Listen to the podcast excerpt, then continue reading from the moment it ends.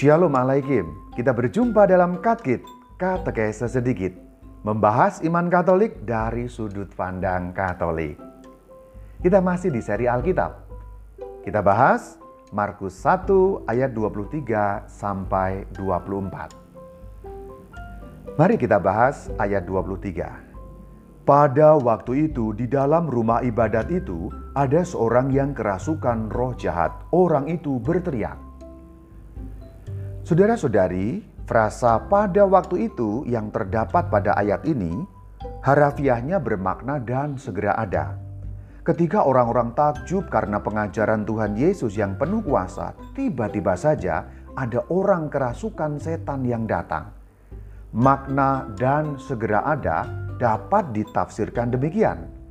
Orang yang kerasukan itu baru saja datang, lalu ikut masuk ke sinagoga tempat Tuhan mengajar.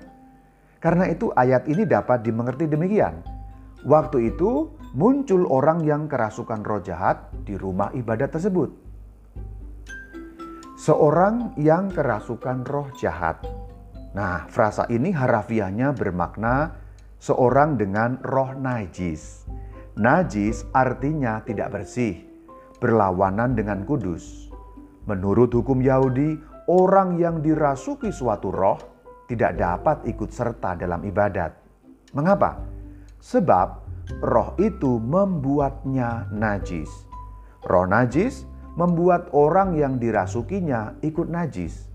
Roh najis alias roh jahat adalah roh buruk atau roh setan. Di sinagoga, orang yang kerasukan setan itu berteriak. Isi teriakannya dicatat pada ayat berikut, ayat 24. Nah sekarang kita masuk ayat 24. Apa urusanmu dengan kami, hai Yesus orang Nazaret? Engkau datang hendak membinasakan kami, aku tahu siapa engkau yang kudus dari Allah. Nah itu kata-kata setan. Apa urusanmu? Nah, kata-kata itu artinya, "Mengapa engkau mencampuri urusan kami?" Ini bukan pertanyaan yang butuh jawaban. Ini namanya pertanyaan retoris. Roh jahat tidak sedang bertanya sebenarnya, tidak bertanya untuk mendapat jawaban. Pertanyaan yang sesungguhnya pernyataan, yaitu pernyataan penolakan. Roh jahat menolak Tuhan Yesus. Sebabnya apa? Roh jahat jelas takut kepada Tuhan Yesus dan memusuhi Tuhan Yesus. Orang yang kerasukan jumlahnya satu saja. Tetapi kata ganti roh jahat itu jamak yaitu kata kami. Mengapa demikian? Roh itu menyebut diri kami karena menunjukkan jumlahnya yang lebih dari satu. Dalam arti sekelompok. Berarti ada sekelompok roh jahat, tidak hanya satu. Mereka menganggap diri sebagai satu kesatuan dan menyebut diri kami. Roh jahat itu atau roh-roh jahat itu menyebut Tuhan Yesus berikut nama asalnya yaitu Nazaret. Itu cara yang umum di kalangan orang Yahudi.